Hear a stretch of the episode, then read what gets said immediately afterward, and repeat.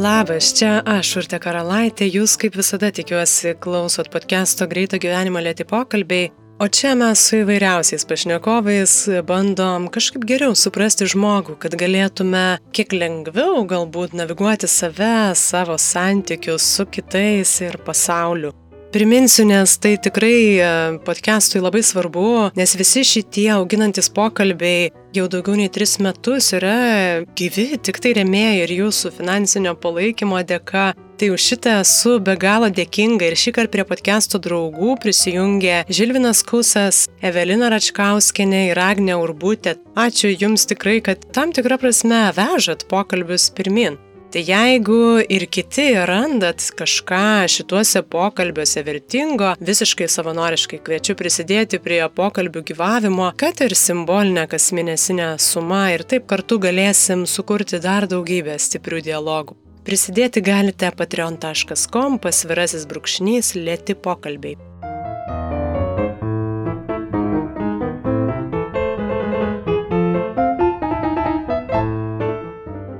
O šiandien mes kalbame su šeimos gydytoja, psichoterapeute Juste Latauskienė.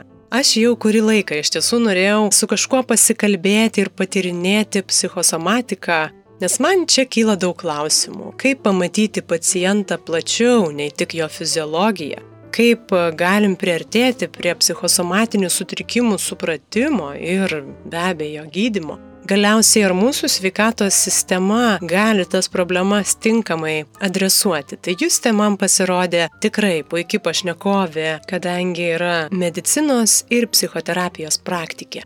Pokalbio papildymų iš mūsų draugų audio knygų platformos audioteka.lt kolekcijos šį kartą siūlau tikrai be galo žinomo ir daug pasiekusio mokslininko amžinatilsi Steveno Hawkingo audio knygą Trumpi atsakymai į sudėtingus klausimus. Knygos autorius dažnai dar vadinamas kosmoso balsu knygoje klausia, ar įmanoma keliauti laiku, kas yra juodosios skilės viduje, ar turėtume kolonizuoti kosmosą? Ir kokia visos visatos kilmė. Šitą knygą pasirinkau neatsitiktinai, nes iš to, ką sužinojau apie Justę, man pasirodė, kad jai tikrai šios temos irgi yra įdomios. Tai audiotekoje galite nemokamai išklausyti net 73 šios audio knygos minutės, o nuorodoje audio knygą, kaip visada, rasite epizodo apraše su kodu lėti pokalbiai visoms audioteka.lt knygoms gausite 20 procentų nuolaidą iki pat lapkričio 3 dienos. Gerai, dabar jau keliaukime tokią tikrai informatyvę, intensyvę pažinti su Juste. Gerą klausimąsi.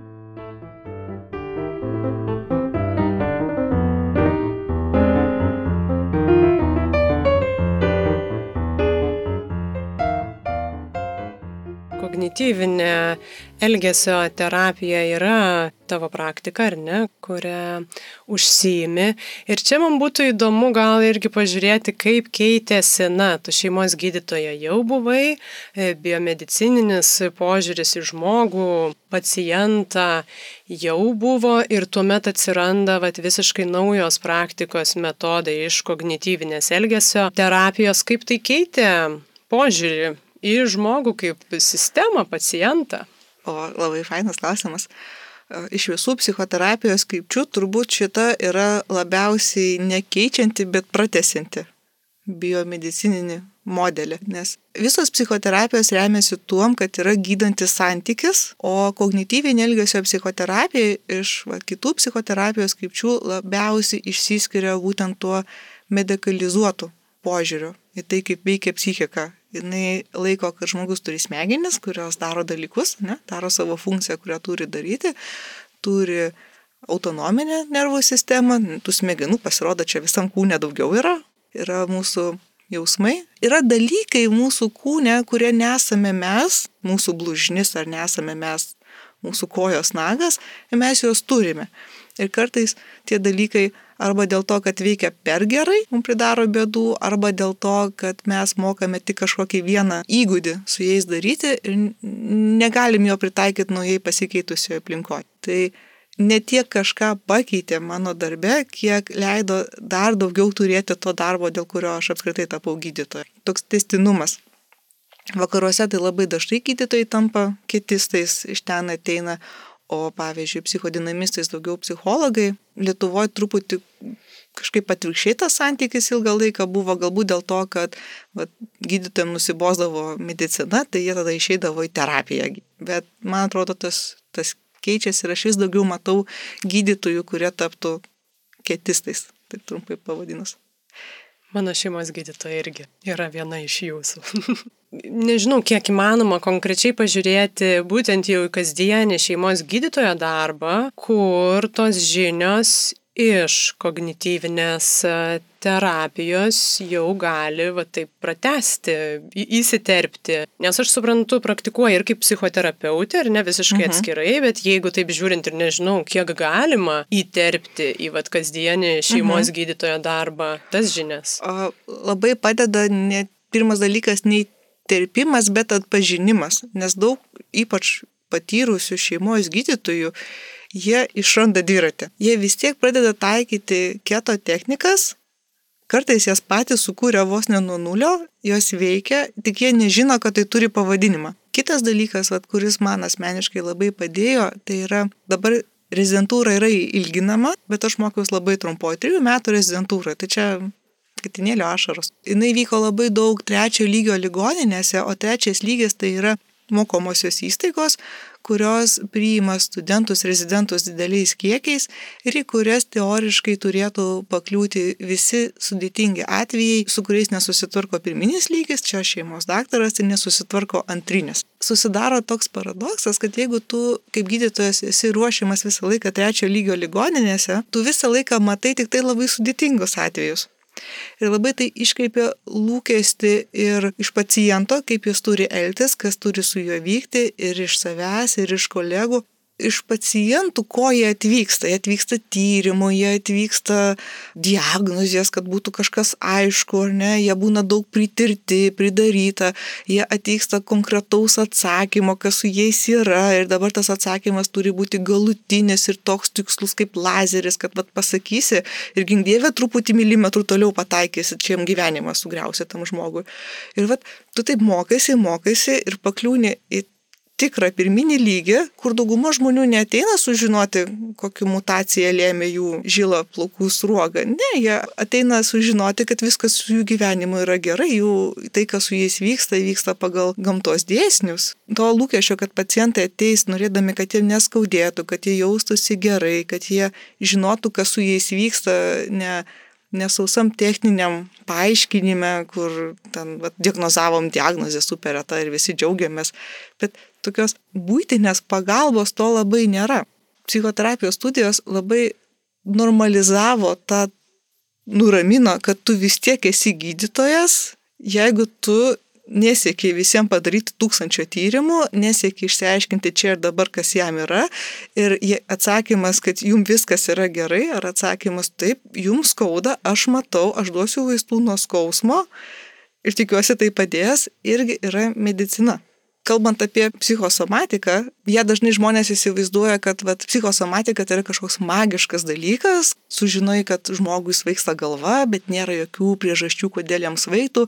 Aha, tai reiškia, jam svaigsta galva, nes ten jis paėmė paskolą ir negali jos gražinti. O jeigu ten skauda ten užpakalis, tai reiškia, kad nežino, ko gyvenime nori, toks kaip horoskopas, ar ne? Pasakyk, koks simptomas, pasakysiu, kas tavo galva negerai. Pertrauksiu, bet yra tokių knygų. Čia yra pats pavojingiausias psichosomatikos traktavimas, nes jeigu tu traktuoji žmogaus problemą vien tik tai iš somatinės pusės, tai jisai vis tiek yra kontakte su tavim, yra kontakte su kitais pacientais, jis nepraranda kontakto dėl to su dvasiniu pasauliu, religiniam organizacijom, su politiniam struktūrom, jis nepraranda priklausomų bendruomeniai, jo psichika, psichikos dalis vis tiek turi galimybę gauti gydimą. Bet jeigu tu pradedi traktuoti tik tai iš psichinės pusės, iš tos vat, tokios vulgarios, kad jeigu tau sveiksta galva reiškia tautas, o jeigu tau ten viduriuoja reiškia tas, tai tu traktuodamas vien tik taip uždarai jam galimybę gauti medicininę pagalbą. Mhm. Man truputį gal norėtųsi grįžti. Norėtųsi gal net ir padetalizuoti, nes aš visai neseniai irgi esu susidūrus savo aplinkoje su žmonėmis, kurie aiškiai taip va ir tų terminų net nelabai supranta. Tai somatika yra fiziologija, ar ne? Na, jeigu galėtum ir paskaidyti tą patį žodį, bet man norėtųsi gal pažiūrėti detaliau tą procesą, kaip mes galim tada atpažinti, nėra to generalizuoto turbūt, kad jau čia tikrai psichosomatika, kad jeigu tau skauda, bet nėra jokių kitų fiziologinių priežasčių, tai tada emocijos, kaip būtų galima trumpai tą psichosomatiką išskleisti. Tas terminas, jisai, čia kaip terminas, nežinau, daržovės ar terminas geras oras, jis yra labai platus, nes psicho reiškia psichika, somatika reiškia kūno jausmus, tai tas terminas tai reiškia psichikos ir kūno potyrių kažkokią tai ryšį. Dabar siaurąją prasme, jeigu aš kaip gydytojas pamatyčiau, kad simptomas yra psichosomatinis, tai man pasakytų, kad tas simptomas neturi jokių somatinių priežasčių, bet yra somatizacija, kad yra kažkoks somatinis simptomas, kurį nulėmė psichikos veiksmas. Bet čia tai yra aktualu turbūt tik tai man kaip specialistui ir jeigu aš bendrauju su kitų specialistų ir gal dar draudimui, kuriam hmm, mokėti, čia draudimų išmoka už tai ir nemokėti, ar ne? Plačiaja prasme, kuri aktualesnė būtyje, tai psichosomatinė paradigma, čia visa paradigma yra, visa, visa požiūrio sistema yra tai, kad mes negalime visiškai atskirti savo psichikos nuo savo kūno. Nėra, kad va, aš išpjoviau ir čia galiu gyventi nepriklausomai mano kūnas gyvena, čia mano protas gyvena. Ne, gerai, jeigu viens kitam netrukdo. Jie yra tiek susiję, kad jeigu mano kūnas serga, tai aš galiu tikėtis, kad tai vienaip ar kitaip atsilieps mano psichikai. O jeigu mano psichika serga, tai aš galiu tikėtis, kad vienaip ar kitaip tai atsilieps mano kūnui. Ir atvirkščiai, kad stiprindamas, gydydamas psichiką, aš paveiksiu savo somatinį kūną ir gydydamas savo somatinį kūną, aš paveiksiu savo psichiką. Nereikia atskirti, nereikia nuneikti ir kaip minėjau, kad pat būna žalingas požiūris, kad galima juos atskirti, taip pat būna toks pats žalingas požiūris, kad galima juos valdyti. Jeigu mano psichika bus stipri, tai aš suvaldysiu kūno simptomus, o jeigu bus mano kūnas stiprus, tai mano psichika niekad nesirgs. Nes, nu, ką man čia liūdėti, gi aš ten puikiai virškinu ir širdis veikia gerai. Arba raumenis mano dideli ir dėl to neliūdėsiu, nes esu stiprus. Jo, ir tas atskirimas yra pavojingas bendraujant su gydytoju. Ir yra pavojinga gydytojam, jeigu jie nepriima psichosomatinės paradigmos aš turiu fantastiškai privilegijuotą santykį medicinai su savo pacientu, nes aš galiu jį pažinoti. Aš kol kas dirbu labai trumpai, kaip šeimos gydytojai tai sako, kad vat, kai jau su pacientu, su konkrečiu pacientu turėsi 5-7 metus kontakto, tada jau galėsi kažką apie jį žinoti. Jau tikrai žinai, ateina, pažiūrėjau, pacientas ir vat, su COVID dabar. COVID tikrai veikia psichiką, jisai veikia nerimą ir jis duoda, kad žmonės elgesi keistai gali ateiti, rasti darbę skundą parašytą iš paciento ir tu skaitai tą skundą ir galvoji, eina savo, Jonai, tu toks nebuvai, tu bijai ne tiek to skundo, kiek tu bijai, kad Jonui yra tiek blogai, kad jis tokius dalykus pradėjo daryti. Tai jeigu jis tau padarė, tai kaip jis jaučiasi, ką jis kitiem pridarė ir ką jam tas pridarimas dar antrinio blogo padarys. Man keli dalykai užstrigo. Tai pirmiausia, norisi gal paklausti, ar aš teisingai suprantu, kad, na, atėjęs žmogus vat, pas šeimos gydytoją su kažkokiu nusiskundimu, tarkime, skauda galva. Pirmiausia, žiūrima į fiziologiją, ieškoma ten priežasčių ir jeigu ten kažkokių akivaizdžių priežasčių nerandama, tuomet linkstama link psichosomatinių. Visiškai teisingai. Jeigu atėjau pas gydytoją dėl galvos skausmo, gydytojas atliks medicininį ištyrimą, patvirtinti ar atmesti somatinės priežastis. Tai yra jo darbas, jis turi tą padaryti. Kom skirsis, pavyzdžiui, bendrosios praktikos gydytojas nuo šeimos gydytojo, kad kaip šeimos gydytojas jau galėsi žinoti, kad čia yra panašu šito konkretaus paciento atžvilgiu į psichosomatiką. Kaip bendrosios praktikos gydytojas, tu to niekada negali žinoti, nes tu neturi testinio ryšio su pacientu. Taip, gydytojas visą laiką atliks medicininį ištyrimą, nebent jau ten taip yra akivaizdu, kad ten ne medicina, arba taip gerai žinai tą pacientą, kad to tiesiog neverta daryti iš etinės pusės ir iš pagarbos paciento laikui ir nu, nemeluoti jam kad čia kažką darai tik tam, kad nu, negazint jo. Tai nėra, kad vat, kai nieko nerasiu, tada aš pagalvosiu apie psichosomatiką, nes psichosomatiniai simptomai, visa grupė neurotinių sutrikimų, nerimo, psichosomatinių, vis, visa šita vat, psichikos pusė neatsiranda gydytojo galvoj tada, kai, o aš nieko neradau, tai matyti, jeigu aš nieko neradau, tai čia turbūt pacientas pats prisigalvoja. Nes labai dažnai tą matai nuo pat pirmos akimirkos. Tai jie irgi turi savo diagnostinius kriterijus kaip visi kiti. Toks va pavyzdys labai dažnai sutinkamas yra diglio žarno sindromas, kad pacientui yra dirgli žarna, kartais gali pasakyti vos ne iš 15 minučių bendravimo su juo. Paprastai būna 100 procentų, kad jam bus diglio žarnos sindromas. Bet tam, kad tu tą diagnozę užrašytum, užrašytum ne tai, kad ten su klaustuku ar kažkur savo, bet iš tikrųjų pacientas turėtų šitą diagnozę, jisai turės praeiti varšas kryžiaus žygius visokių tyrimų, baisių tyrimų, nemėgsta pacientai šito ištyrimo, Ir tada, kai vat, jam, kabutėse, nieko neras, jam tą diagnozę užrašys. Ir tai labiausiai reikalinga dėl to, kad nuo tos akimirkos, kai jam diagnozuosi dirglę žarną, tie simptomai, kuriuos jis jaučia, nebebus kiekvieną kartą tyriami. O bus tyrimi tik tada, kada pasikeičia arba kada kažkas yra ne taip. Dėl to šitas pacientas atsidurs pavojuje, kad jis ne tai, kad per dažnai lankysis pas gydytojus ir ten juos vargins, ar jiem nieko neras, bet dėl to, kad jis nebeateis Jisai savo simptomus gydysis, kaip gydoma digližana, meditacija, relaksu, dietos korekcija, gerais draugais, medicamentinį gydymą jam skirs jo psichiatras, psichoterapeutas, gastroenterologas, bet jis nebevažiuos į primimo skyrių, kad, oi, man turbūt apendicitas. Tu jį taip išleisti ramiai gali tik tada, kai tu jau ten ištikrinai, kad tikrai jiem net nėra be prasidedančios jokios lygos ir tada, va, gal, nu, penkis metus dabar bus mums ramu, po to vėl reikia šitą kartoti. Tai jeigu pacientas yra nesupažindintas su tuom, kas yra jam įtariama, ar darbinė diagnozė, tai yra labai didelė žala jam, nes tai sukelia tokį įspūdį, kad va tyrė, tyrė, ieškojo kažko, padarė šimtą milijonų tyrimų ir tada, kai nieko nerado, užrašė va šitą va dalyką man.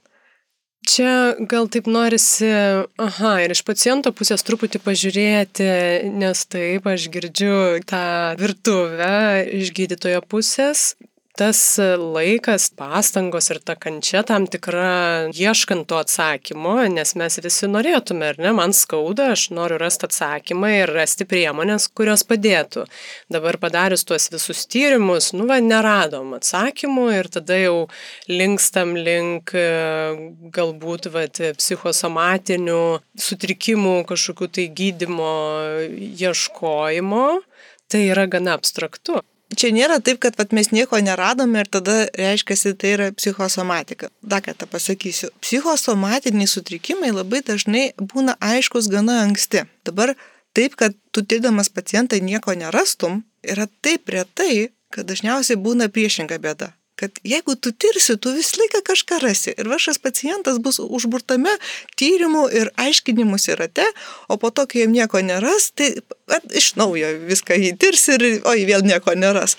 Tai mūsų, ypač Lietuvoje, tokia turi medicinos sistema, kad galima užsitirti iki, nežinau, baisiai pasakysiu, bet iki mirties. Galima tirtis ir tirtis ir tirtis. Ir jeigu neištyrė, tai gali nuvažiuoti į kitą įstaigą, ne, nes turime mes dvi labai rimtas trečio lygio ligoninės, turim visai neblogų dar gerų ligoninių. Ir jie, kai kurie pacientai taip ir važinėja, non-stopų taip važinėja. Bet nereikia skubėti ir labai dalių nuliūsti ar išsigasti, nes kai kuriem tai yra tikslas. Jie tą daro kur man padėjo psichoterapijos studijos ir ko labai mažai mokė rezidentūrai, tai kai ruošia mus gydytojus, tai labai mechanistiškai ruošia. Įrodo, kad pacientai nori atsakymai, nori diagnozės, bet labai dažnai žmonės nori labai skirtingų paaiškinimų, kas yra. Pavyzdžiui, kažką puikiai pagydys vizualiniai tyrimai. Ruošia studentus, rezidentus sako, tyrimai negydo. Aš kaip šeimos datas galiu pasakyti, puikiai gydo tyrimai. Yra žmonių grupė, kur kitaip niekad nepagis, ypač nuo skausmo, kol neturės tyrimo. Kaip yra žmonių, kurie kas penkias minutės tikrina, kiek turi pinigų banko sąskaitoje. Nesvarbu, kad neturi, bet vis tiek tikrina, kaip šalituvė žiūri. Ne? Jam reikia žinoti. Raitose skausmuose padarė tyrimą, nieko nėra. A, gerai, nieko nėra, aš sveikas. Yra žmonių, kurie nori žinoti, dėl ko jam yra. Ir atsakymas turi būti konkretus, dėl to, kad jūsų mama turėjo šitą geną, dėl to, kad vat, jūs ten penkių metų nukritot nuo rogučių, reikia paaiškinimo. Jeigu jie sužino, dėl ko taip yra, viskas, jie jaučiasi geriau. Yra žmonių, kuriems reikia atsakymo, ką jie gali padaryti. Ar jie gali kažką padaryti, ar negali. Labai yra baisu, kad jie pražiūrės, kad jie galėjo kažką padaryti. Va šita dalis, pirmiausia, sužinoti, ko pacientas nori, truputį prasprūsta pro gydytojų rašymą. Ir net mes patys kartais nežinome, ne? Pasirodo, visai man nepagerėjo, kai man tos simptomus palengvino ir mane išgydė. Čia va yra, pavyzdžiui, viena iš psichosomatikos formų, tai yra funkciniai skausmai. Kai mano skausmas, mano simptomai atlieka kažkokią funkciją. Mums reikia klausti ne kodėl taip yra, bet kam taip yra. Ir tada klausti tą psichosomatiką. Yra dėl to, kad neveikia kažkokia kita sistema po žmogų, kuri turėtų jam padėti. Pavyzdžiui, noriu dėmesio, ne, iš savo partnerio, jis man jo nerodo, Tai bet aš kai sirgdavau vaikystėje, labai gaudavau mamos dėmesio. Ir staiga paaiškėja, kad jeigu aš tapau visą laiką sergančią gražuolę, kurios niekas nepagydo ir ten skaudu, ir mano partneris pasirodo moka manim rūpintis ir atranda meilė ir dėmesys ir tik Dieve daktarai niekad neišgydykite, niekad. Tai tokiu atveju, jeigu taip nori užšaldyti tą situaciją, diagnozuoti kokią lygą, kuriai būdingi paumėjimai ir palengvėjimai, bet paumėjimai tokie, kad jie gali susitvarkyti namuose. Tai taip žmonės ir žais. Mano apibūdintų atvejus išgalvotas yra galbūt žmonėms būtų lengviau nueiti į porų terapiją ir išmokti, brangioji, noriu tavo meilės, brangusis, imk mano meilę, tai bendrauti ar ne, pinigų sutaupytų laiko, sutaupytų darbingumo daugiau turėtų bet gali būti ir grinai funkciniai skausmai, kurių yra tokia funkcija. Tai gali peraukti į disfunkcinį dalyką, pavyzdžiui, yra apalpimas, labai funkcinis dalykas. Tarkim, yra sausakimša aplinka ir mus spaudžia kiti žmonės, bažnyčiai būna trolybuse būna jaunesniem žmonėm, ne, kurio tikrai gali būti suspausti, kažkokie prisilietimai, kurių neturėtų būti, neiškumas, ar gali išeiti, ar negali socialiai, ir ką tada smegenės padaro, tai, nu, apsivemkim. Apsivemkim, nualpkim, kartais apsišlapinkim netgi, tiesiog kažką tokio padaro, bet tai yra visiškai funkcinis dalykas, kūnas tuo metu nebūtų kitaip buvęs išgirstas, ta minė nebūtų išklausius, kad prašau mane praleisti. Buvo gyvuliška situacija ir buvo gyvuliškas sprendimas.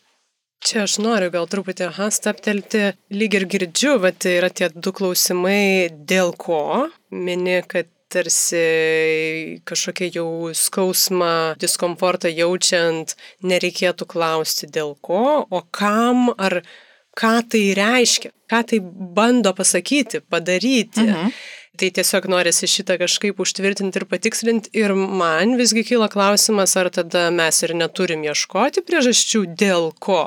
Gamtai yra svarbu, kad mes išgyventumėm ir jeigu pasidauginam, tai iš vis esame malačiai. Jeigu mes jaučiamės blogai, nes gamtoje egzistuoja daug padarų, kurie negali jaustis blogai jie neturi tam struktūrų. Jausmas, kad yra negerai, jausmas, kad skauda, jausmas nerimas, baime, tai yra dalykai, kuriais mes esam gamtoje apdovanoti lygiai taip pat kaip maloniais jausmais.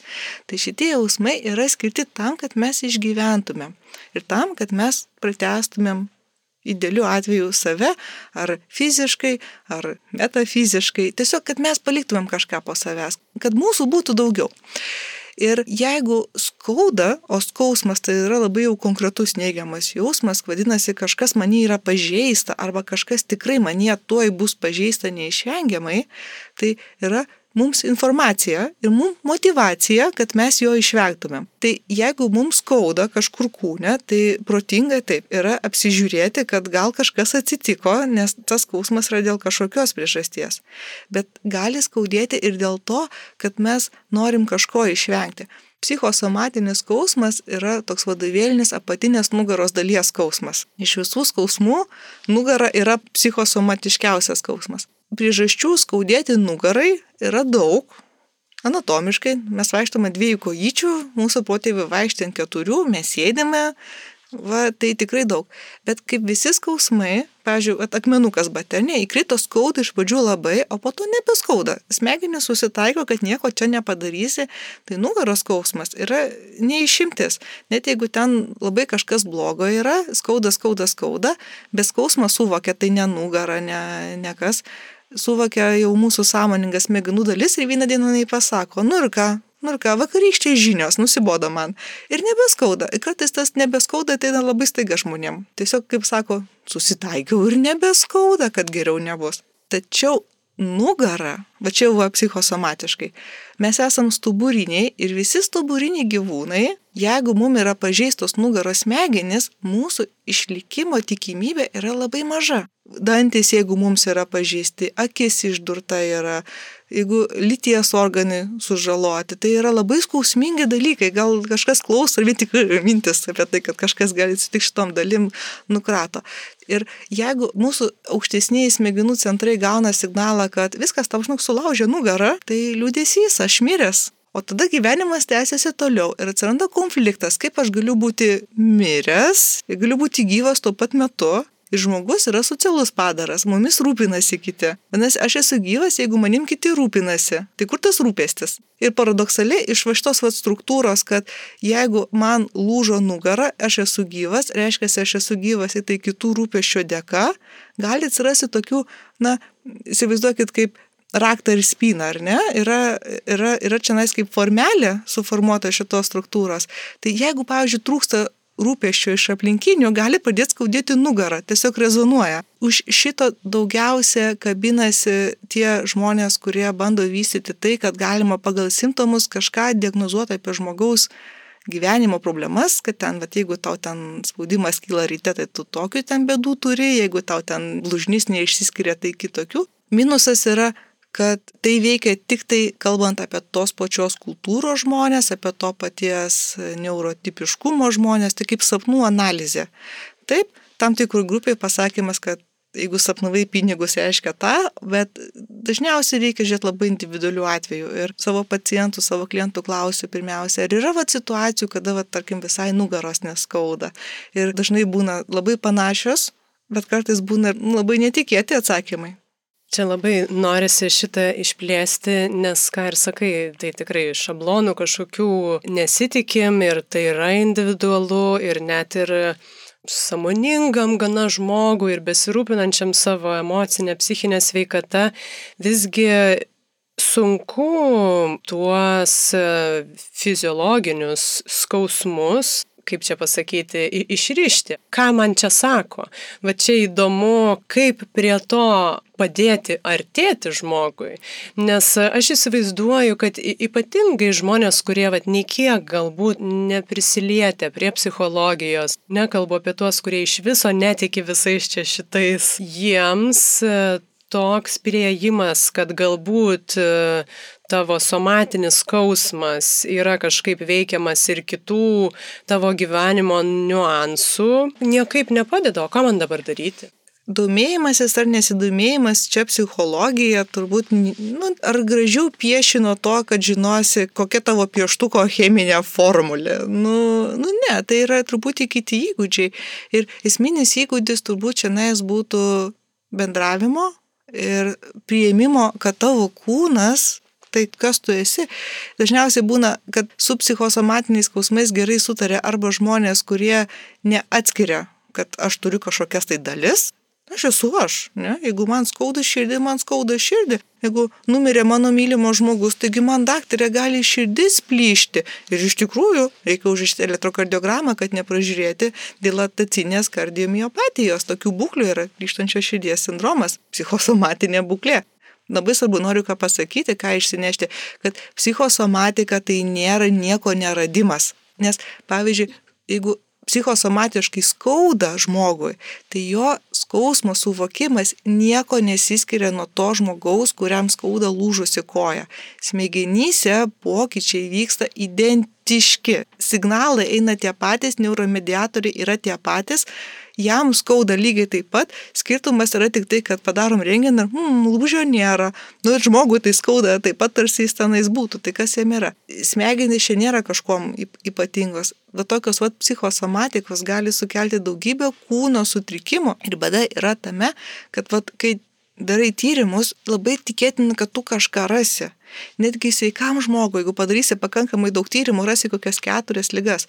Tai jeigu man pacientai sako, kad man nieko neranda, sakau, džiaukitės bent tuom, kad turite fantastišką sveikatą, nepaisant šito streso, kuris sukelia tai, kas jums yra, bent tuom pasidžiaukit, o ne, o ne graužkitės, kad ne, nerandat ten apačioj problemų, jeigu tai pavadinti. Tai grįžtant prie to klausimo, kas gali būti nefunkcionalu, tai gali būti siekis būti ne pilnu žmogumi, būti, pavyzdžiui, tik tai proto. Ir traktuoti, kad jeigu aš būsiu protingas, jeigu savo protą pažinosiu, tai aš savo kūną suvaldysiu ir aš tada žinosiu, kad šitas skausmas psichosomatinis ir aš tada jo nejausiu. Tokia, pavyzdžiui, pozicija, ne? kad aš vat nugalėsiu, aš nugalėsiu lygą. Bet skausmas patoks yra bandymas sąmoningai daliai ir ne tik sąmoningai, jis gali būti skirtas grupiai žmonių per empatiją, per atjautą kažką pasakyti. Ir tai labai dažnai žmonės, kurie vat, yra, pavadinčiau taip, savo kūno, savo proto meistrai, tai jie kaip tik psichosomatikos turi labai daug. Bet jinai jiem padeda būti sveikiem. Pavyzdžiui, jie gali sakyti, o visada, kai pavargstu, ten apsivėmiu ir kažkas klauso ir pastėrės gali klausyti, nes jau čia nieko nėra blogiau gyvenime, ne? O tas žmogus, ne, nieko tokio, tiesiog jau žinau, kad pakankama, susitvarkau.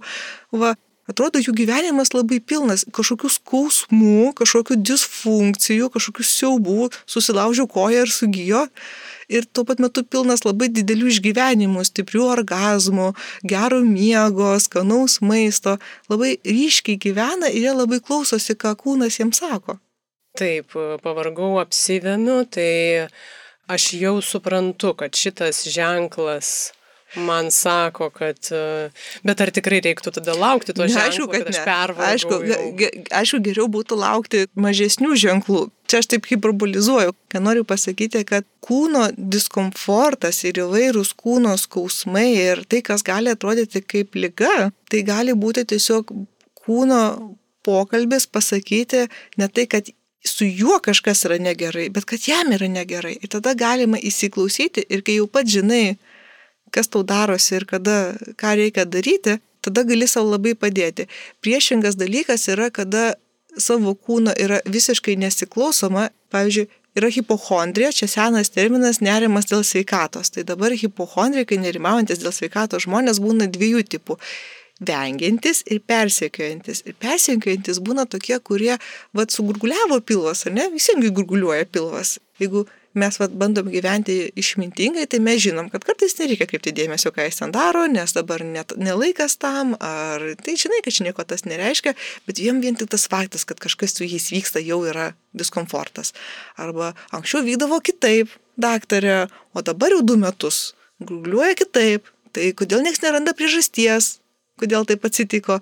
Ir tikrai niekas neras, nes niekas nepagalvojo, kad reikia tokius dalykus tirti. Ir yra žmonių, kurie niekad nesiklauso savo kūno, tai va čia būtų tas, kur apsivėmiau ir tada jau žinau, kaip gali būti, kad, kaip išnekam, skirtingų garsumų gali būti garsių kūnų, kur net nėra jokių švelnių signalų apie nuovargį, tik tai garsus iš karto. Kitas dalykas, nežinau, čia patvirtinsi arba paneigsi, ar aš teisingai suprantu, kad pavyzdžiui gerai yra kažkoks signalas, kuris kūne pasako apie nuovargį, bet ar neprasideda toks procesas, kad vis anksčiau pradeda pasakyti, bandydamas kūnas apsaugot mane nuo pervargimo, man vis anksčiau manęs bandys stabdyti ir aš vis anksčiau apsivemsiu. Taip, taip, taip, taip gali būti.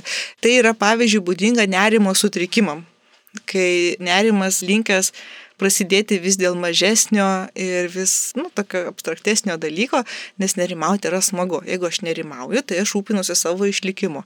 Jeigu aš save apsaugau nuo kažko per nerimą, smegenys sako, caca, šaunuolis, mes gyvename toliau. Ir jeigu gyvenime trūksta to caca, mes gyvename toliau, tai nerimas iš karto šitą pagauna. Nes čia veikia ne, ne ta sąmoninga dalis, čia veikia dalis, kuri yra skirta, kad sąmoninga dalis išgyventų. Gili dalis. Ir sako, dėl to panerimau. Kur dėl to sugalvojau, kaip panerimauti. Čia yra kūrybingų, e, ištrimingų žmonių prakeiksmas. Būna, kad klientai sako, o kaip man taip galėjo atsitikti. Tai atsakymas paprastas, nes puikia fantazija. Tiek dalykų, dėl ko sugalvojat nerimauti. E, gali būti, gali būti vat, siekis vilsilisėtis dėl po mažesnio dalyko. Ir tada e, klausimas, ko iš tikrųjų trūksta, nes tai, tai nėra problema. Čia yra puikus, labai gerai veikiantis adaptacijos prisitaikymo mechanizmas, kuris turi savo vietą ir labai gerai, kad jis veikia. Ir kaip bet kuris rūmo, kuo daugiau treniruoji, tuo jis geriau veikia. Čia yra, čia sveikinu, psichika yra sveika, veikia tobulai. Bet klausimas, ko tada gyvenime trūksta. Nes jeigu yra įdomu veikti dalykus, įdomu, tai turėtų jie konkuruoti. Kūnas turėtų sakyti, eina milisėtis, o tas vidinis vaikas, tas norintis, mm, mm, mm, pramogus sakyti, ne, ne, neįsiu miegoti, tylėk. Ne, turėtumėm gyvenime gyventi tokioj smagioj ir jaudinančioj įtampėliai tarp, tarp kažko gavimo, kažko paukojimo, kažko surizikavimo, kažko laimėjimo. Turėtų visko būti daug, didelių žmonių didesni, mažesnių mažesni, bet toks, toks gyvas virpuliukas turėtų būti su tokiais ramybės periodais atsigauti, palisėti ir jeigu viskas yra gerai, kad mes patys jaustumėme saugus, kada mes einam žaisti pasaulį ir kada mes einam palisėti. Taip, nes aš va tą ir pastebėjau kažkaip galvojant apie tai, kad yra tikimybė, kad jeigu tave vis anksčiau stabdo, kad tu save pradėsi taip stabdyti, kad tu nieko nebegali. Nes tu žinai, kad jau tavo kūnas atmetinės, čia man per triukšminga, čia man per daug žmonių, čia, čia dar kažkokie dirgikliai, kur jau žinai, kad e, tave stabdys. Bet tokiu atveju yra naudinga nueiti pas terapeutą, nueiti pas specialistą, kad pažiūrėtų, kas čia nais yra atsitikę. Čia su bet kokiu adaptaciniu, bet kokia veikla, nebūtinai su savęs stabdymu, tai gali būti ir su savęs skatinimu veikti.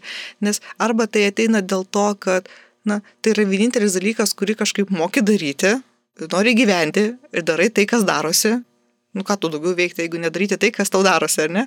Tai kaip išmokti daugiau ką gyvenime daryti. Arba tai gali būti kažko, nu, vengimas.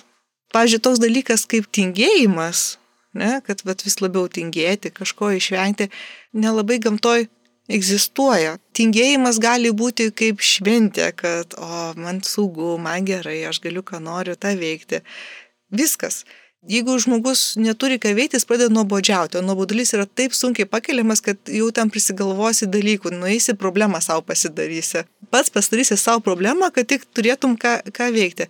Tai jeigu žmogus pradeda taip atinginiauti ir vengti, tai nu, reikėtų pirmą mintis, ar jam nėra depresijos, O antras dalykas, ar nėra depresinės reakcijos. Tai reiškia, kad yra kažkas jo gyvenime taip, ko jis negali pakeisti, taip, ko jis negali priimti, kažkas tokio yra, kad vienintelis būdas išgyventi tai yra perėti tokį savotišką žiemos miegą ir laukti ir tikėtis, kad galbūt, va, aš dabar, būna, net sako klientai, norėčiau užmygti ir po penkių metų atsipūsti ir gyventi toliau išsimokėčiau visas skolas, kiek jų susikauptų, ten susitvarkyčiau. Tiesiog toks noras. O kas per tuos penkis metus turėtų pabūti? Nu, nežinau, net negali pasakyti, bet sveikinė sako, nu, einam pamiegoti.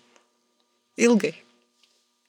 Norisi truputį taip, į žemę nusileisti į tą kasdienę praktiką. Kažkada taip, kalbinau e, profesorių Dainių Pūrą ir dabar taip e, abstrakčiai be abejo atsimenu jo mintį irgi kalbant apie psichikos sveikatos būtent e, pagalbą Lietuvoje. Jo mintis buvo, kad pirminėme ligmenyje tos emocinės pagalbos turėtų ne tai, kad daugiau, bet kad jinai turėtų suveikti tam, kad žmonės neatsidurtų kitose ligmenyse.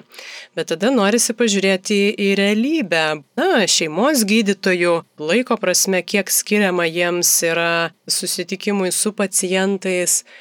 Kiek va toks platus paciento, žmogaus asmenybės matymas yra realus toje kasdienėje praktikoje, ką mes dabar kalbam apie tą tikrai ir susipažinimą, ir, ir gilinimąsi, ir kiek specialistai iš tiesų yra pasiruošę ir paruošti taip matyti, o ne jeigu tau skauda galva, tai labai aišku, ką daryti. Tai yra vaistai nuskausminti. Na, pirmiausia, norėtųsi kad žmonės gautų pagalbą, ne? Tiesiog, kad jie atėjo pagalbos ir jie iš karto gavo pagalbą. Svajonė būtų. Medicina, jei kalbėt apie mediciną, remiasi principų pirmiausia nepakenk. Hipokrato priesaika. Ir tol, kol tu dirbi gydytoju ir pacientas žino, kad jis atėjo pas gydytoją, yra sudarytas terapinis kontraktas. Tai yra, kad aš atėjęs pas gydytoją, žinau, kad jis man duos vaistų, visuomenė sako tai. Tai gydytojas visą laiką siūlydamas vaistus nuo galvos skausmo jau elgėsi labai hipokratiškai, nes jisai nepakenkia pacientui, jis galbūt jam nepadeda, bet jis nepakenkia. Mes galime klausti, kiek yra etiška, jeigu tu pradedi matyti, kad tu gali daryti kitus dalykus. Čia antriausia dalis yra. Bet to pirmiausia, nepakenkti jis jau yra padaręs. Tai labai linkiu, kad jeigu žmogus turi tikrai mažas galimybės patekti pas gydytoją ir turi mažai laiko jo gydytojas, kad jis vis laik pakliūtų pas tą gydytoją, kuris jam siūlo vaistus, kuris pirmiausia nori dirbti gerų medicinos gydytojų, net ten kokiu čia gyvenimo mokytojų, ar tiesos kleidėjų, ar tenais, žinokit, čia aš jums paaiškinsiu, kaip iš tikrųjų pas jūs gyvenime yra. Nu, kad atėjau pas daktarą ir išėjau iš daktaro gal nepadėjo, bet buvau pas daktarą. Kaip pačioj pradžioj minėjau, psichosomatinių požiūrių, jeigu aš lankausi pas gydytoją, man nėra uždaryti kiti psichinės veikatos šaltiniai. Aš suprantu, kad gydytojams, ypač psichinės veikatos gydytojams, norisi pasistatyti tokį biškimėsijo vietą, kad čia jau mes čia išgelbėsim psichinę sveikatą. Ką darė žmonės, kol nebuvo psichoterapeutų? Paskui jie eidavo. Taip, kurie gaudavo tai. Tai aš daugiau matau, kad psichoterapija atsirado daugiau iš to, kad išnyko tas ryšys kažkur kitur, kur jis būdavo. Nes, na, tikrai neatsitiko kažkokio tokio psichikos lūžio, kad va žmonėm nereikėjo psichoterapeutų ir staiga užsireikė visiems ir staiga jie dar pradėjo ir padėti žmonėm. Tai yra daug šaltinių. Yra religija, yra menas, yra priklausimas įvairiom grupėm, yra šeima, yra draugai, yra gyvenimas. Čia kaip ir su su medicina. Gydytojai neatsirado su antibiotikais ir vakcinomis, su baltais halatais. Jie, jie būdavo visą laiką, gal jie kitaip vadindavosi, bet jie atlikdavo gydomuosius veiksmus. Tai yra, kad, pavyzdžiui, ateidavai pas kažkokį tai na, savo bendruomenės narį, prieš kurį tavo kūnas, tavo nuogas kūnas būdavo kitoks negu prieš bet kurį kitą, jeigu išsirengdavo. Jisai nežiūrėdavo į tave kaip į, o, nuoga moteris ar nuogas vyras, jisai žiūrėdavo į tave, kas tau negerai, va čia pas tave supuliavę, čia, reikia, čia galiu tą padaryti. Aha, tu kosti, ne visi, visi galvoja, kad, o, tu irgi reikia nuo tavęs bėgti, bet aš žinau, kad yra žolytė, kuri šitą kosulį gali nuimti. Visą laiką būdavo tų žmonių, kurie užsimdavo gydimu. Taip, bet vėlgi galvojant net ir apie gydytojo ir pasiruošimą, bet ir nusiteikimą iš tiesų į pacientą žiūrėti ne tik kaip į fiziologiją. Be abejo, neklausiu tiksliai, bet e, ar bendrai Lietuvos gydytojai yra pasiruošę ne tik fiziologiją matyti? Tiek pat pasiruošę, kiek jų pacientai, galiu pasakyti. Jeigu kalbėt apie pirminę grandį, tai pacientai labai greitai identifikuoja, į ką čia pasiruošęs gydytojas žiūrėti ir, kaip minėjau, gali, gali pasirinkti. Kaip pacientui atėjus į pirminę grandį norisi gauti pagalbą ir norisi būti nukreiptam ten, kur tau iš tikrųjų padės. Dirbant šeimos gydytojui norėtųsi galėti nukreipti savo pacientą psichinės veikatos specialistui taip lengvai, kaip gali nukreipti neurologui ar kardiologui kokiam, nu, vad, kad eisit, žiūrėkit, penktadienį nueisit ir pas psichologą ir pats sakytų, gerai, nu, eisiu, kaip faina. Kaip Pūras minėjo, nu, mes turime mažiau tos galimybės gauti medicinoje, o pasakyti pacientui, žinot, jums čia reikia daugiau vaikščioti į bažnyčią, žinot, jums reikėtų knygų daugiau skaityti, kad jaustumėtės geriau ir pas mane mažiau ateitumėt.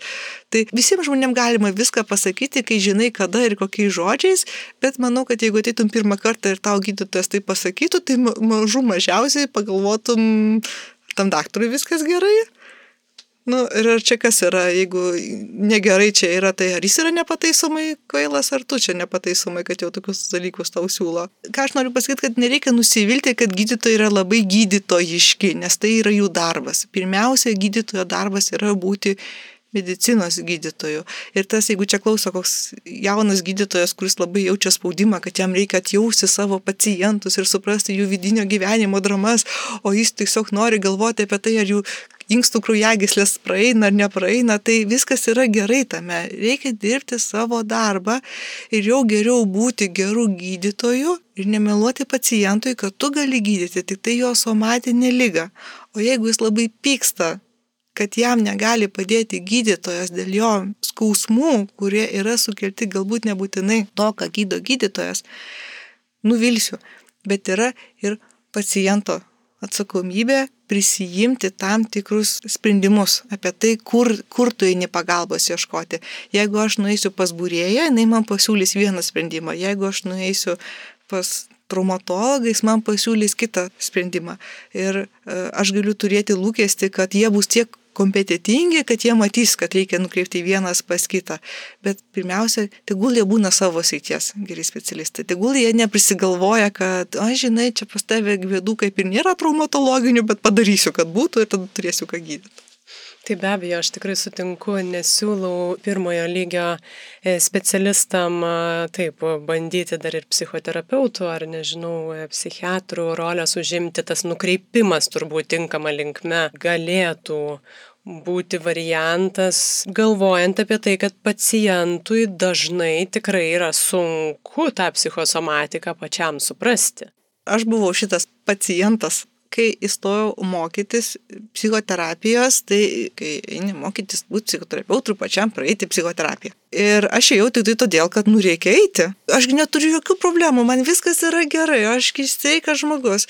Ir mano psichoterapeutas, nu, ko atėjai, nu, atėjau dėl to, kad reikia, nu, gerai, gerai, o faina. Nu, papasako apie save ir pasakoju apie tai, kokias medicinės bėdas turiu, nes ką daugiau galiu papasakoti, aš net nežinau, ką reikia pasakoti, aš čia sugalvojau būti psichoterapeutu, ne psichoterapintis pati. Ir jis man sako, kad, žinok, e, pagysi labai gerai nuo viso šito, e, susireguliuos menstruacijų ciklas, cholesterolis susireguliuos, cukrus susireguliuos, diagnozė jam aiškiai po pirmo susitikimo ir aš sėdžiu ir aš nesuprantu, kas vyksta, nes aš buvau pas milijoną daktarų ir jie visą laiką visi kažką rasdavo ir visą laiką gydydavo. Ir tada sakydavo, hm, kaip įdomu, gydimas neveikia. Arba, hm, kaip įdomu, aš dar tokių dalykų nesumatęs. Va, bet taigi čia pas mane įdomus atvejis, kurį niekas nematęs, ką tu man čia šneki nesąmonės. Nu gerai, ir jis buvo teisus ir aš pagyjau nuo tų dalykų ir kartais man pačiai būna, kaip psichoterapeutui ateina žmogus ir sakau, atitinka diagnostinius kriterijus, kad ne vadovėlinis atvejis, kas jam yra ir galiu tą pažadėti, kaip galiu pažadėti kaip medicinos gydytojas, kai atitinka mano kriterijus, kad aš žinau, kas tau yra, Aš žinau, kad yra vaistai ir jeigu tie vaistai neveisti tik todėl, kad arba aš padariau klaidą, arba vaistai padarė klaidą, žinokit, būna kartais vaistai būna brokuoti, arba čia kažkas yra, nu, kažkokia čia lempa yra, kaž, kažką visiškai pražiūrim, nes prie šitos diagnozės ir šito gydimo mes turėtumėm turėti tokį ir ne kitokį pagerėjimą. Tai vat, aš buvau tas pacientas, kuriam nei vienas daktaras nepasakė, nei vienas net nepasiūlė, jeigu man būtų pasakę, jum pacientė su galva negerai, tai aš būčiau aišku, kad nuėjus, nes nu, man buvo taip blogai, kad ten bileką būčiau padarius. Būna, kad tais, kai kalbuosi su gydytojais, jie taip bijo nukreipti pacientą, jie taip nori jį paruošti tai minčiai, kad pacientė galbūt jum reikėtų tenais nueiti. Ir taip klausai ir taip supranti, kad tas paruošimas yra reikalingas ne pacientui, bet reikalingas pačiam daktarui, nes yra apie tai, kad reikia daktarui pripažinti, kad ne aš būsiu tas, kuris tau padės. Aš suklydau, čia yra pasakymas. Aš juk taip tikėjausi, kad tau bus ten toks ir toks hormonų sutrikimas ir aš tau skirsiu gydymą ir po trijų mėnesių tu būsi sveikas, o ne ten po dviejų metų intensyvios psichoterapijos. Taip, čia labai įdomu, žinoma, juokas juokais, bet tas pasakymas tau negerai su galva irgi turbūt parodo tą, kaip sakai, ne tik pacientai, bet gal ir, gal ir gydytojai turi dar tą tokią, na, ir stigmą, bet ir netvirtumą tokį ieškoti priežasčių kitur. Neaišku, kokios to šaknis, ar dėl to, kad nori medalių savo, ar dėl to, kad iš tiesų psichinės veikatos pagalba, visa sistema kažkaip yra tiek, atrodo, atskirame pasaulyje ir galbūt yra iš tiesų baiminamasi to žingsnio, kad aš dabar turėsiu pasakyti pacientui, na, kokiais žodžiais tą bei vardinu, kad tau negerai su galva. Kad vis dar tai yra sulyginama su tuo. Nu, taip, gali pasakyti tau blogai su kepenim, bet pasakysi tau blogai su galva, tai jau žaidimas, ar ne? Nors turiu pasakyti, kad pasakymas tau blogai su kepenim ar tau blogai su širdim, žiūrint su kuom tu kalbi. Aš būčiau tas pacientas, kuris sužinojęs, kad mm, tau negerai su galva, tai priimčiau normaliai, bet aš esu žmogus, kuriam smegenis yra tik tai vienas iš jo organų. Yra žmonių, kurie patys yra smegenis. Ir jiem labai negerai, nepatinka smegenim, kai jas kažkas kritikuoja. Lietuvoje mes turėjom okupacinį periodą, kai psichiatrija turėjo tokią baudžiamosios psichiatrijos formą ir turim stigmas ateinančias iš seniau psichiatrijoje, kaip po okupacinis regionas mes turime iškentėjimo, išlaukimo, rezistencijos gebėjimus, kultūrinius gebėjimus, kurie yra nutaikyti į išgyvenimą, bet nėra nutaikyti į klėstėjimą. Labai tas yra svarbu. Ir žinoma, kad mums kalbėti apie tai, kad mums visiems Lietuvoje reikia daugiau psichinės veikatos gerinimo galimybių, tai yra sakymas, kad mums yra blogai, mes esam pažeidžiami, mes neturim būti pažeidžiami, mes turim būti stiprus. Kiek daug žmonių galvoja, kad jeigu tau kažkas negerai su galva, kabutėse, tai čia tavo asmeninis reikalas, pats ir susitvarkyk, nedaryk problemų kitiem. Ateina klientai ir prieš pradedant terapinį darbą, tai mes turime apkalbėti kaltę, kad jiem apskritai negerai. Žmogui skauda ir jis jaučiasi kaltas, kad jiems skauda, jis jaučia gėdą, kad jiems skauda. Kaip gydytojas, tai mes esam truputį paruošti, kad bus žmonių, kurie jausis kalti, kad serga. Kad vat, man negalima sirgti, aš juk mama, kas rūpinsis mano vaikais, ar bus neįgymo stadijoje, ne, ne, ne, mano cholesterolis puikus, čia viskas gerai, aš tikrai nemirsiu nuo infarkto, ką išnekat. Bet net ir tada psichinė sveikata, tai, nu ką, jeigu tau blogai, tai pasilsi ir tau pagerėja. Iš vienos pusės tai yra tiesa, tai taip ir yra, bet ar tu ilsiesi žmogau? Ar tu ilsiesi, ką tu veiki tuo metu? Taip, taip, poilsis čia yra kitas klausimas. Kas šiais laikais yra poilsis? Netflixas, telefonas ar ilgas nuobodžiavimas, ką prieš tai paminėjai, kas yra žmogui labai sunku. Gal norisi dar pažiūrėti empatiją darbe, vis tiek tai yra kasdienybė, su, susitikimas su įvairių problemų turinčiais žmonėmis. Gydytojo tikslas padėti, rasti priežastis, padėti išgyti, kaip rasti tą balansą. Ir rūpintis tai žmonėm, nežinau, koks skaičius netgi tų pacientų Justės Latauskienės sąraše yra, tai yra turbūt dideli skaičiai, bet saugoti ir save ir išsaugoti tą atstumą, kur emociškai per daug neįsitraukti. Čia psichoterapijai be abejo irgi labai aktualu, bet ir vat, sutinkant kasdien žmonių su įvairiausiam problemom. Mano asmeninės problemos profesinės yra, kad aš to krūvio atsinešu į darbą.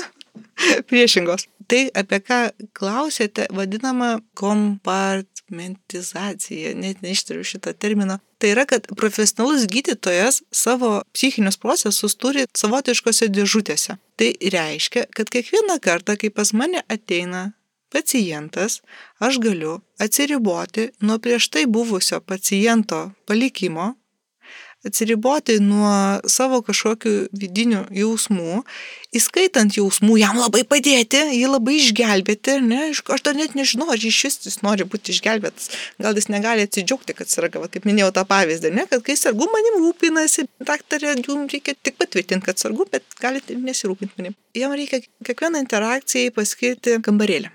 Ir chirurgai apie tai visai neblogai šneka, nes jeigu jie tampa emociškai kompromituoti, pavyzdžiui, va, reikia operuoti žmogų, kažkas atėjo ir pasakė, žinai, va, tas, kur ką tik operavai, tai numirė, nes tu klaidą padarėjai ir nueina tai e, biški rankos drebės, ar ne, tai jam reikia, tas žmogus jau viskas, jis paruoštas operacijais, jos negali laukti. Aš kaip šeimos daktaras galiu, jeigu ten mane kažkas įskaudino, aš ten nubėgau, apsiverkiau. Labai maža tikimybė, kad kažkas negali palaukti šeimos daktaro vieną dieną ar 20 minučių, bet jeigu dirbai vat prieimimo skyriui, yra kur negali net minutės palaukti, tai darai tuos kompartmentus, darai tas dėžutes, darai tą, ką reikia daryti ir jauti tai, ką reikia jausti, nes tavo jausmai tampa tokiu pačiu tavo darbo įnagiu, tavo darbo priemonė, kokia yra tavo žinios. Kai kurie žmonės turi tą gebėjimą natūraliai, tokie biški psichopatiški ar ne neurotipiški, idealių atvejų, pavyzdžiui, tarp specialistų turėtų būti labai daug žmonių su Aspergerio sindromu, nes jiems būtų labai įdomu kiekvienas atvejis su tam, kaip čia įdomiai nuaugus kraujagyslė, o čia kokie hormonai pas jūs, o čia, wow, kaip čia susiūta, ne? O kiti išsiūkdo, tai yra išsiūkdomas dalykas. Ką noriu pasakyti, jeigu klauso jaunieji kolegos, kad tai nėra stora oda. Gink dievė, tik neauginkit storos odos. Čia yra blogiausias dalykas. Čia kai negali padaryti, kai lieki tas minkštas ir pažeidžiamas, taip yra nesaugu nei tau, nei pacientui būti pažeidžiamu, nu gerai, apsiverkėt abu, nu gerai, apsikoliojot, nu gerai, nusišluosėt ašaras, nusiraminot, išgėrėt arbatytės ir pašnekėjot apie tai, ką reikia. Vat kai yra vat, tas vat, poreikis auginti storą odą, tu mane įžeidi ir aš neįsižeidžiu, ne dėl to, kad aš tavęs negirdžiu, aš atsimušu, o ne aš girdžiu, kad tu bandai mane įžeisti ir aš galvoju, kodėl tu tą darai. Kas tai yra? Ar aš kažką padariau? Ar tu padarai? Gal tu toks visą laiką? Gal čia simptomas lygos, gal tau smegenų auglys, nes tugi mandagus žmogus buvai, ar ne? Kai nebeturi to švelnumo, kai nebegali prisiliesti, netenki labai didelio gydomojo instrumento savo gyvenime. Ir prisiliesdamas prie kito, žinoma, jeigu tu nuolat lėtiesi prie sergančio, tai gali atsitikti du dalykai. Pirmas dalykas gali užsikrėsti ypač jeigu ateina žmonės, kurie yra pradę vilti, žmonės, kurie yra nusivylę, kurie yra priešiški, tai tada būtina eiti ir bendrauti su sveikai žmonėms. Čia vat irgi grįžtant prie storos odos, nes atrodytų, o, tai man čia reikia tada visą laiką kažkokį barjerą pasistatyti, atsiriboti nuo čia visų šitų žmonių su jų bėdomis ir... Ne, ne, tiesiog čia yra, va čia aš dirbau gydytoju, ne, šeštą valandą mano darbas baigsis, galbūt mano darbas skaičiuojamas ne valandomis, galbūt jis skaičiuojamas pacientais, šitą pacientą sutvarkysiu, eisiu namo. Bet yra kažkokia riba, ne, yra siena. Ir tada aš grįšiu į savo sveiką pasaulį, kuris man primins, dėl ko aš šitą darbą dirbu. Aš dirbu ne tam, kad aš matyčiau šitas skausmą, šitos pažeidimus, o tam, kad tie, kam aš padedu, va tą gyvenimą turėtų, į kurį aš turiu privilegiją grįžti, kad jie galėtų daugiau, ilgiau jį turėti. Ir dar vienas pavojus yra auginant storą odą ir e, galvojant, kad matant žmonių skausmą, matant tą siaubą, bandant neperdėkti, yra pavojus, kad išsikreipia suvokimas, kas yra švelnu ir kas yra ne. Ačiū Juste. Man atrodo labai gražiai čia pabaigai apie šituos minkštuosius kasdienybės momentus. Tai e, tikrai dėkui už įvairias mintis ir tada to minkštumo turbūt neprarasti palinkėsiu.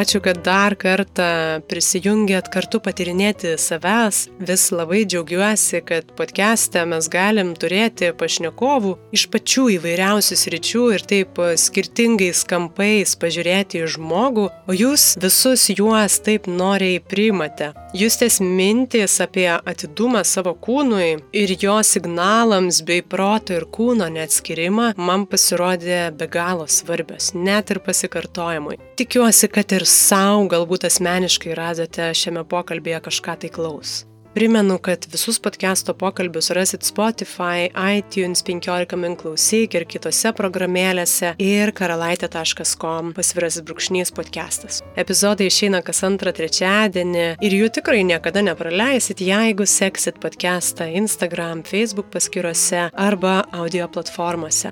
Podcast'o kūrimą dalinai finansuoja Spaudos radio ir televizijos remimo fondas ir daugybė jūsų prisidedančių Patreon platformoje. Tai tikrai labai smagu, kad viso to dėka mes jau daugiau nei tris metus galime gyvuoti visiškai nepriklausomai. Tai dėl to jūsų prisidėjimas podcast'o gyvybė ir tesinumui tikrai labai reikalingas, jeigu tik galit, prisidėkit simboliškai, bet visiškai nemažesnis palaikymas podcast'ui yra dalinimasis pokalbiai socialinėse medijose su savais. Tai jeigu tik pajutot, kad išgirdot kažką, ką turėtų išgirsti ir kiti, tai nelaikykit paslaptyje, pasidalinkit podcast'o draugai Vilniaus universiteto radijos stotis Start FM, muzikos autorius Filipe Raposo. Na ir kaip kiekvieną kartą podcast'e greito gyvenimo lėti pokalbiai su jumis buvau aš, Urte Karalaitė, o šiandien kalbėjome su šeimos gydytoja ir psichoterapeute Juste Latauskienė.